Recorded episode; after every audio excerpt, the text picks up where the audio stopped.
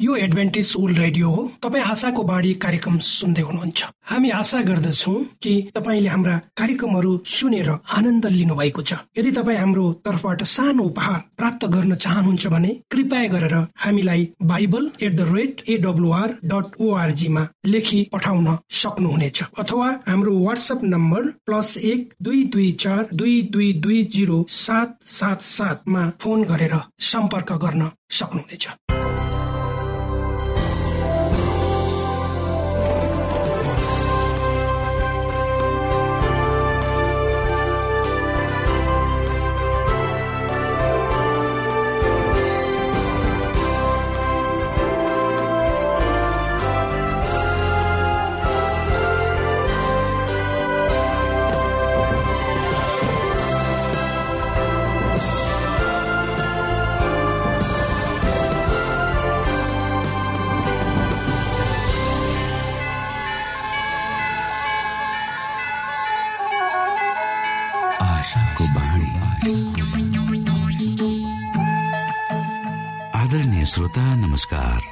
समय तपाईँ Adventist world रेडियोको प्रस्तुति भोइस अफ होप आशाको बाणी कार्यक्रम सुन्दै हुनुहुन्छ।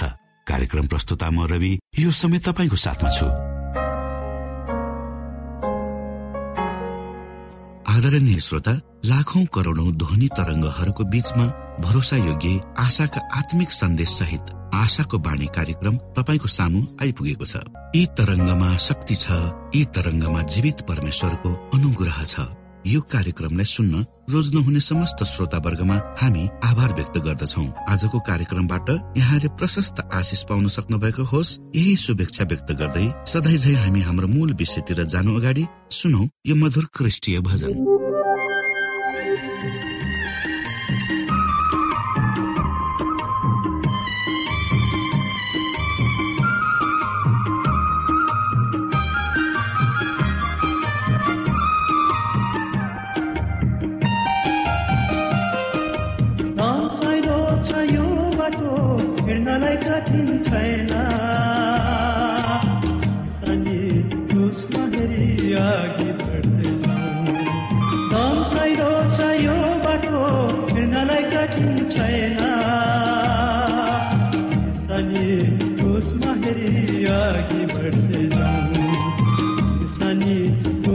मेरी आगे बढ़ते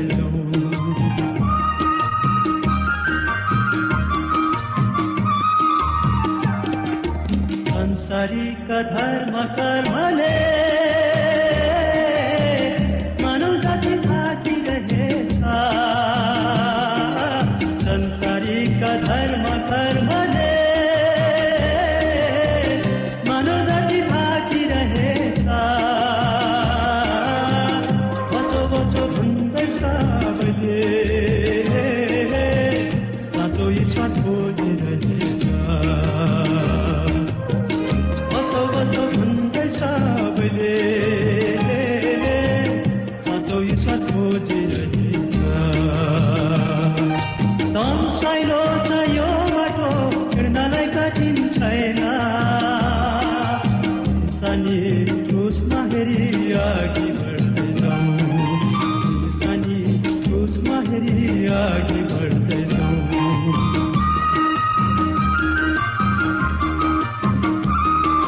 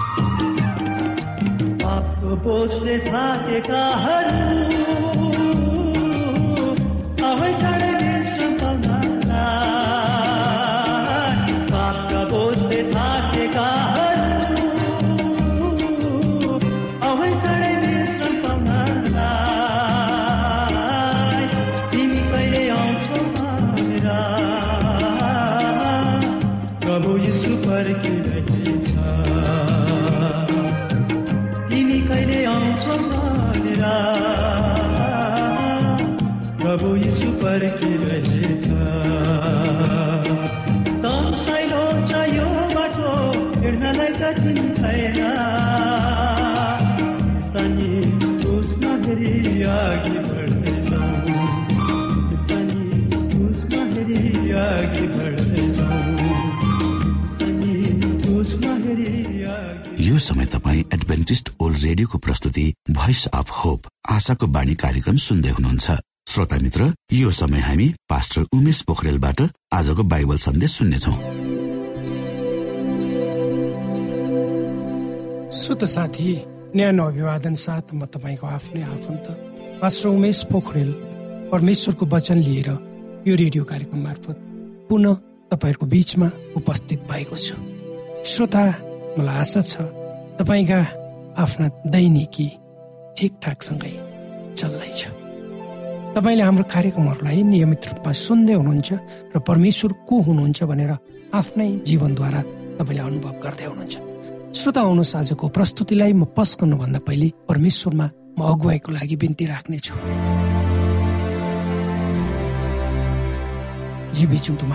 परमेश्वर प्रभु यो कार्यक्रमलाई म तपाईँको हातमा राख्छु। यसलाई तपाईँको राज्य र महिमाको प्रचार खातिर तपाईँले सारा संसारमा पुऱ्याउनुहोस्। ताकि धेरै मानिसहरूलाई तपाईँले तपाईँको ज्योतिमा डोर्याउनुहोस्। सबै बिन्ती प्रभु यीशुको नाममा। आमेन।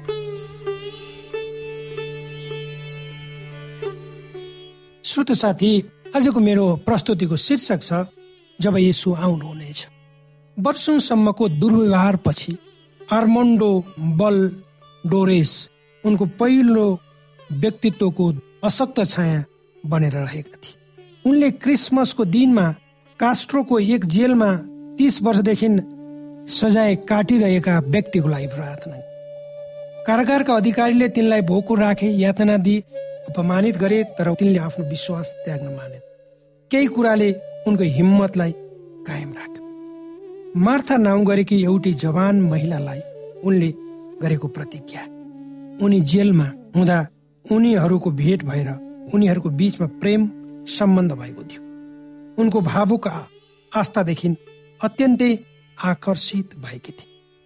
ती दम्पतिले जेलको आँगनमा एक नागरिक समारोह गरेर विवाह गरेको केही समयपछि मार्थालाई मियामीमा बसाइसराई गर्न बाध्य बनाइयो।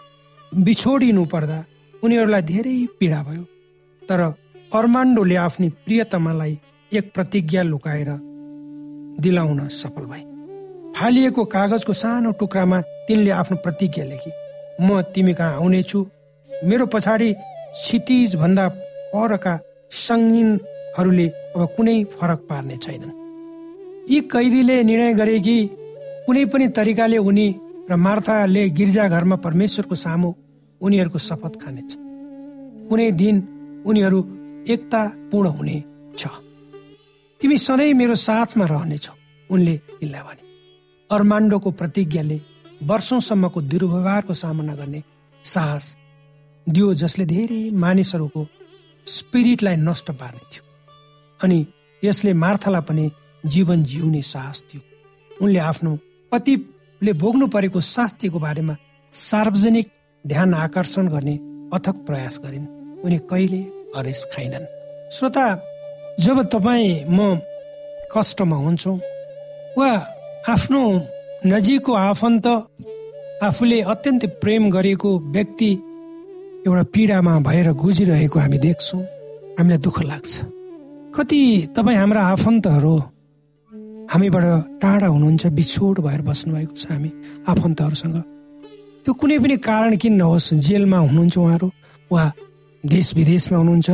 कतिपय आफन्तहरूको खोज खबर नै नभएको हुनसक्छ जे भए हामीले पवित्र धर्मशास्त्र बाइबलको यहुन्ना भन्ने पुस्तक छ त्यसको चौध अध्यायको एक र तिनमा हेऱ्यो भने यसरी लेखिएको छ।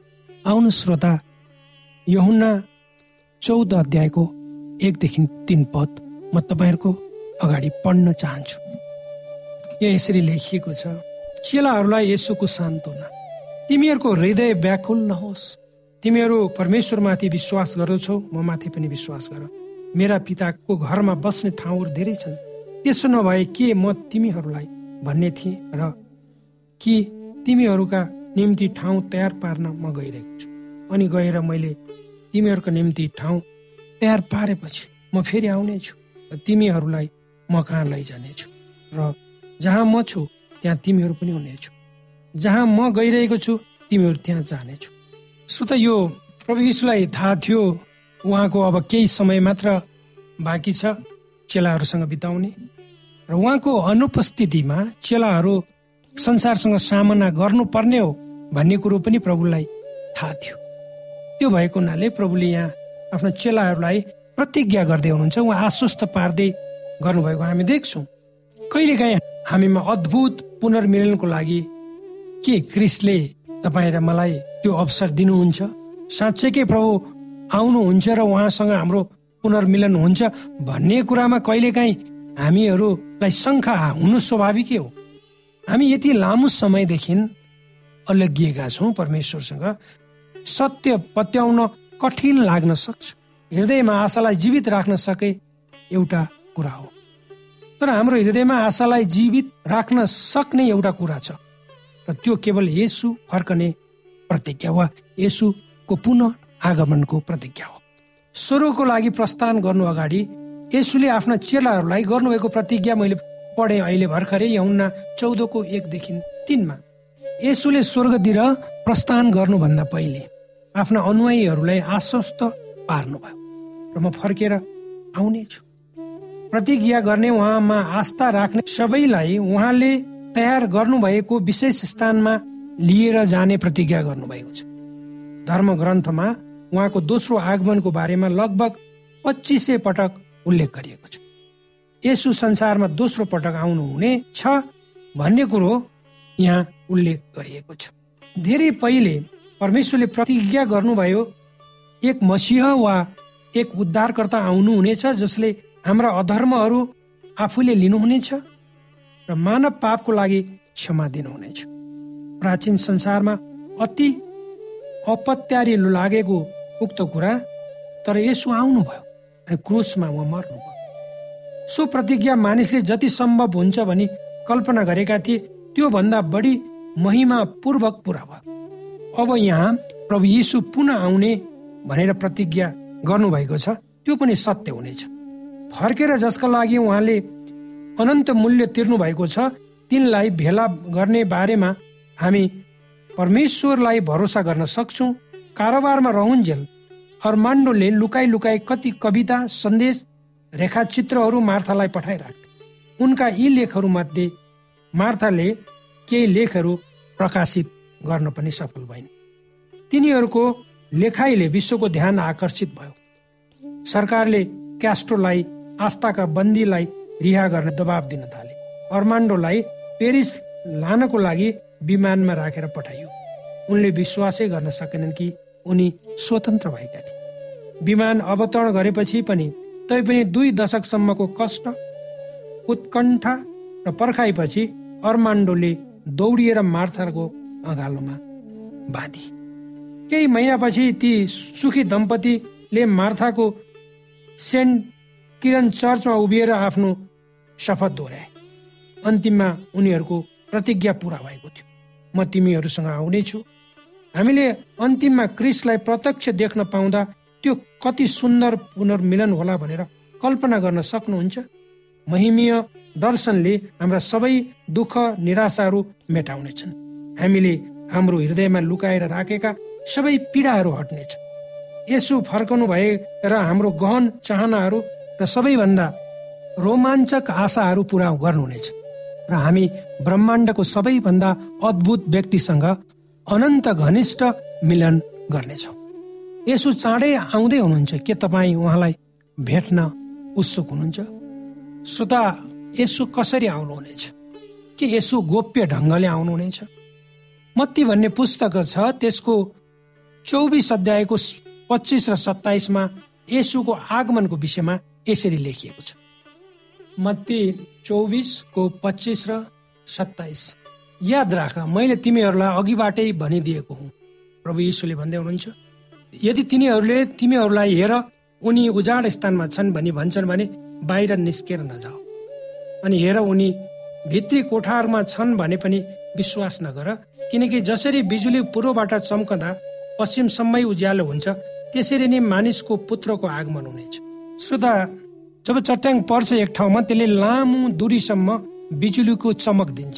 त्यो चट्यानलाई सबै मानिसहरूले देख्छन् सुन्छन्। त्यसै गरी यसुको आगमन कुनै गोप्य वा व्यक्तिगत रूपमा हुने छैन भनेर बाइबलले भनेको छ। र अर्को प्रश्न छ के यसु फेरि वास्तविक व्यक्तिको रूपमा आउनुहुनेछ। प्रेरित भन्ने पुस्तक छ एक अध्यायको दसदेखि एघार हामी हेर्नेछौँ। जब तिनीहरूले उहाँ जाँदै गर्नुभएको एक टक आकाशतिर हेरिरहेका थिए तब अचानक सेतो पोसाक लगाएका दुईजना मानिसहरू तिनीहरूका नजिक खडा भए।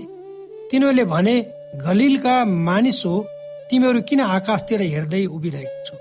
यही यसो जो तिमीहरूबाट स्वर्गमा लगिनुभयो अहिले जसरी तिमीहरूले उहाँलाई स्वर्गमा जानुभएको देख्यो त्यसरी नै उहाँ फेरि आउनु हुनेछ।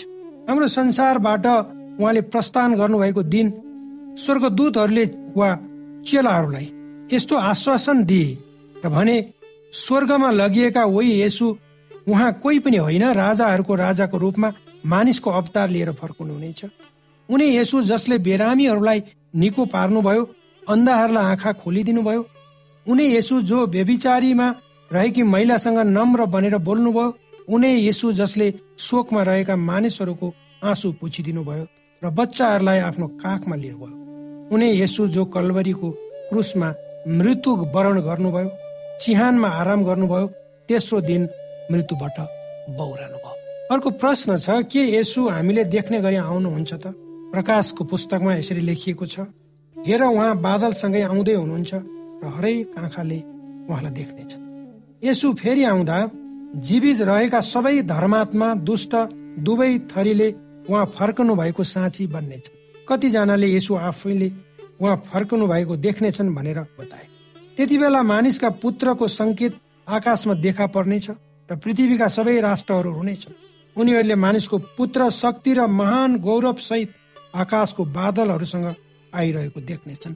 मत्ती चौबिसको तिस हाम्रो पृथ्वीमा रहेका हरेक जीवित मानिसले यसु फर्किरहनु भएको देख्नेछन्। अब प्रश्न आउँछ यसो आउनु हुँदा उहाँको साथमा के हुनेछ? बाइबल लेख्छ मत्ती पच्चिसको एकतिसमा जब मनुष्यको पुत्र उहाँको महिमा सहित आउनु हुनेछ र सबै देवदूतहरू उहाँको साथमा हुनेछन् उहाँ दैवीय महिमामै आफ्नो सिंहासनमा बस्नुहुनेछ। यसो सबै देवदूतहरू वरिपरि राखेर उहाँको वैभवमा फर्कनु हुँदा कस्तो होला भनेर कल्पना हामी गरौँ त। के हामी यसो कुन समयमा आउनुहुन्छ भनेर यकिन गर्न सक्छौ? मत्ती चौबिसको छत्तिस र चौवालिसले यसो भन्छ तर त्यस दिन र घडीको विषयमा पिता बाहेक कसैले जान्दैन न त स्वर्गका दूतहरूले न पुत्रले। त्यो नोकर धन्य हो जसलाई मालिक आउँदा यसै गरिरहेको भेट्टा हुनेछ। यसकारण तिमीहरू तयार रह। किनकि मानिसको पुत्र तिमीहरूले नचिताएको बेलामा आउनेछ। श्रोत साथी बाइबल धर्मशास्त्रले स्पष्ट रूपमा भन्दैछ यसु पुनः आउँदै हुनुहुन्छ। महिमामा स्वर्गदूतहरूको साथ आकाशमा तुरैको आवाजमा। यसो कति बेला आउनुहुन्छ? त्यो समय पल हामीलाई थाहा छैन तर पनि यसो गुप्त रूपमा आउनुहुन्न। सारा संसारले देख्ने र सुन्ने गरी आउनुहुनेछ। र बाइबलले हामीलाई भन्छ हामी त्यसको लागि हामी अहिले नै तयारी हुनुपर्छ। परमेश्वरले यी वचनहरूद्वारा तपाईँ र मलाई आशिष दिउन्।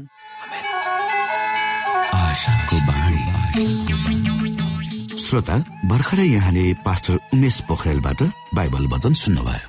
यो समय तपाईँ एडभेन्टिस्ट ओल्ड रेडियोको प्रस्तुति भोइस अफ होप आशाको बाणी कार्यक्रम सुन्दै हुनुहुन्छ। कार्यक्रम सुनेर बस्नुहुने सबै श्रोतालाई हामी हाम्रो कार्यक्रममा स्वागत गर्न चाहन्छौ। श्रोता मित्र यदि तपाईँ जीवनदेखि हरेस खानु भएको छ तपाईँका जीवनमा धेरै अनुत्तरित प्रश्नहरू छन् भने आउनुहोस् हामी तपाईँलाई परमेश्वरको ज्योतिमा डोहोऱ्याउन चाहन्छौँ र तपाईँ आफ्नो जीवनका चिन्ता फिक्रीबाट निश्चिन्त हुनुहोस् र बाँच्नुको आनन्द परमेश्वरको सामिप्यमा कति मिठो हुन्छ त्यो चाख्नुहोस् भनी हामी चाहन्छौँ। श्रोता यदि तपाईँ आशाको बाणी कार्यक्रमलाई अनलाइन सुन्न चाहनुहुन्छ वा डाउनलोड गर्न चाहनुहुन्छ भने डट ओआरजीमा जानुहोस्। त्यहाँ तपाईँले प्रत्येक दिनको कार्यक्रम सुन्न र डाउनलोड गर्न सक्नुहुनेछ। हाम्रो वेब पेज यस प्रकार छ www.awr.org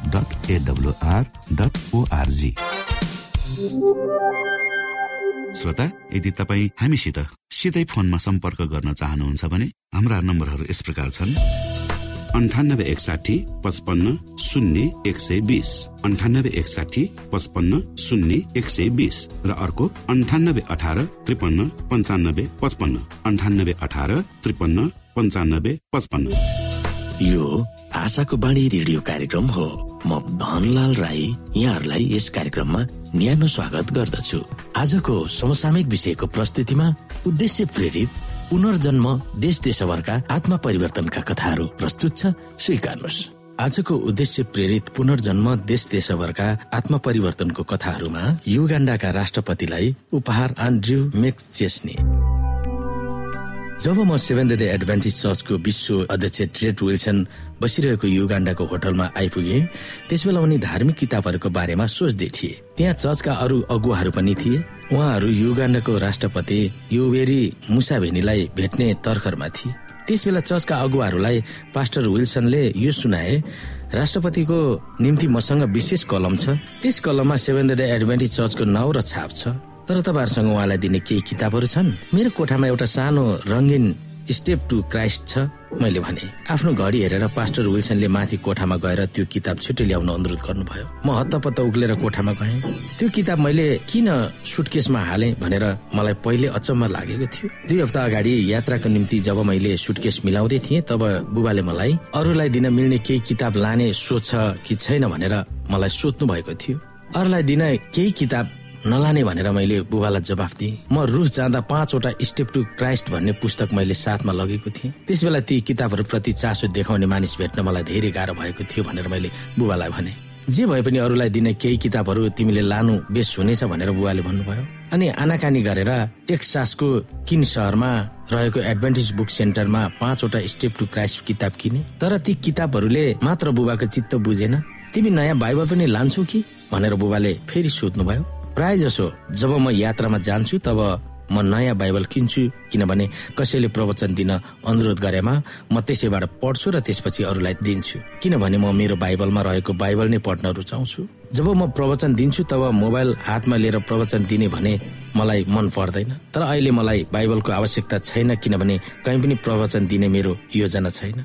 तर बुबाले बाइबल लान मलाई सल्लाह दिइरहनु भयो त्यसकारण कालो छालाको खोल भएको न्यू किङ जेम्स भर्जन मैले किने त्यो बाइबल मैले सम्झेँ अनि पास्टर विल्सनलाई त्यो बाइबल र स्टेप टु क्राइस्ट ल्याइदिएँ। केही समयपछि नै हामी युगाण्डाको राजधानी अनटबेमा रहेको राष्ट्रपति भवनमा गयौं। त्यहाँ राष्ट्रपति मुसा भेनीले हामीलाई हार्दिक स्वागत गर्नुभयो। कुरै कुरामा उहाँले अरू प्रश्नहरूको साथै एडभान्टेजहरू शनिबारको दिन किन साबत पालना गर्छन् भनेर पास्टर विल्सनको सामु प्रश्न गर्नुभयो।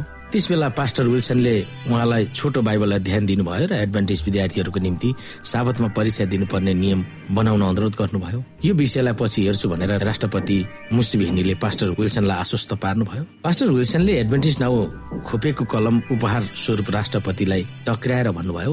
यस कलमद्वारा तपाईँले राष्ट्रको महत्वपूर्ण कागजहरूमा सही गर्न सक्नुहुन्छ? र अझ विशेष गरेर बाइबलमा तपाईँलाई मनपर्ने पदहरूको मुनि धर्को तान्न सक्नुहुन्छ। अनि उहाँले मैले ल्याएको बाइबल र स्टेप टु क्राइस्ट उपहार स्वरूप दिनुभयो। उहाँले पाहुनाहरूले देखुन् भनेर बाइबल उचाल्नु भयो। त्यसै बेला मैले अत्यन्तै उत्तेजित भएर स्काइपमा बुवालाई बोलाएर भने पवित्र आत्माको आवाज सुन्नु भएकोमा तपाईँलाई धन्यवाद छ अब म जहाँ गए पनि नयाँ बाइबल र केही स्टेप टु क्राइस्टहरू लिएर जाने गर्छु।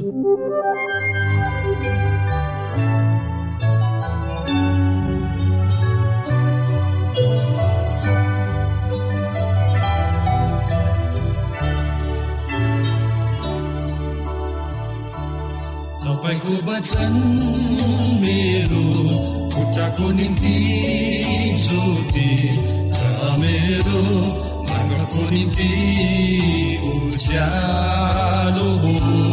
तपाईँको वचन मेरो खुट्टाको निम्ति ज्योति र मेरो मार्गको निम्ति उज्यालो हो। कारण तपाईँको वचन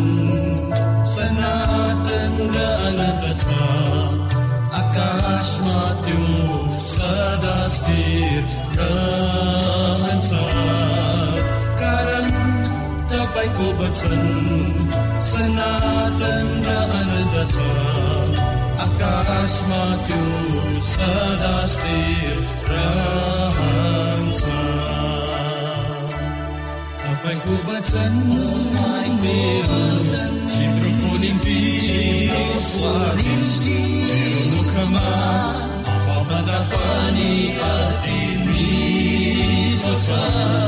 तपाईँको वचन सनातन र अनन्त छ आकाशमा त्यो सदा स्थिर रहन्छ तपाईँको वचन मेरो चित्रको निम्ति स्वादिष्ट मेरो मुखमा भन्दा पनि अति मिठो छ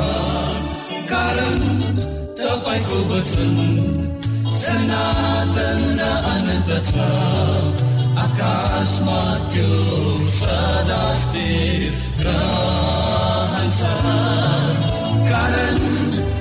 तपाईँको वचन सनातन र छ आकाशमा त्यो सदा स्थिर